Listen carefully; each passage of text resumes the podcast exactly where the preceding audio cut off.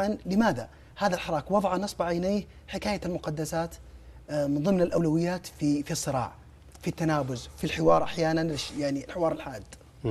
هو هذا السؤال الحقيقة أنه يحمل مضمون تاريخي أعتقد أنه غير دقيق.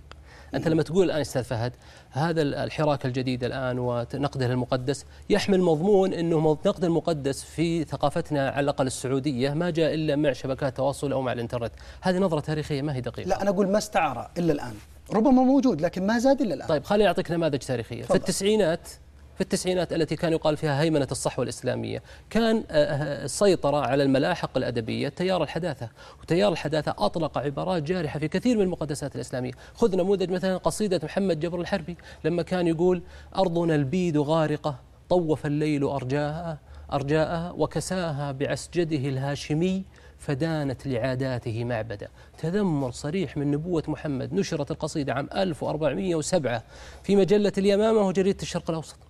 طيب. ونماذج لذلك كثيرة يا أستاذ فهد آه، لنقد المقدس كانت في تيار الحداثة وكان واشتعلت الصراع مع بعد تلك الفترة ويعني لما كان يعني فترة الركود السياسي التي كانت بعد خروج المشايخ من الاعتقال أيضا وجدت روايات آه، اشتعلت فكرة الروايات. منها ثلاثية أطياف الأزقة المهجورة ولا أعتقد يخفاك الجدل اللي نعم. حوله نعم. وكان فيها نقد كبير أيضا المقدس جاءت شبكات التواصل الاجتماعي هو ذاته الصراع بين الدين وبين من يعني يجرحون في الأحكام الشرعية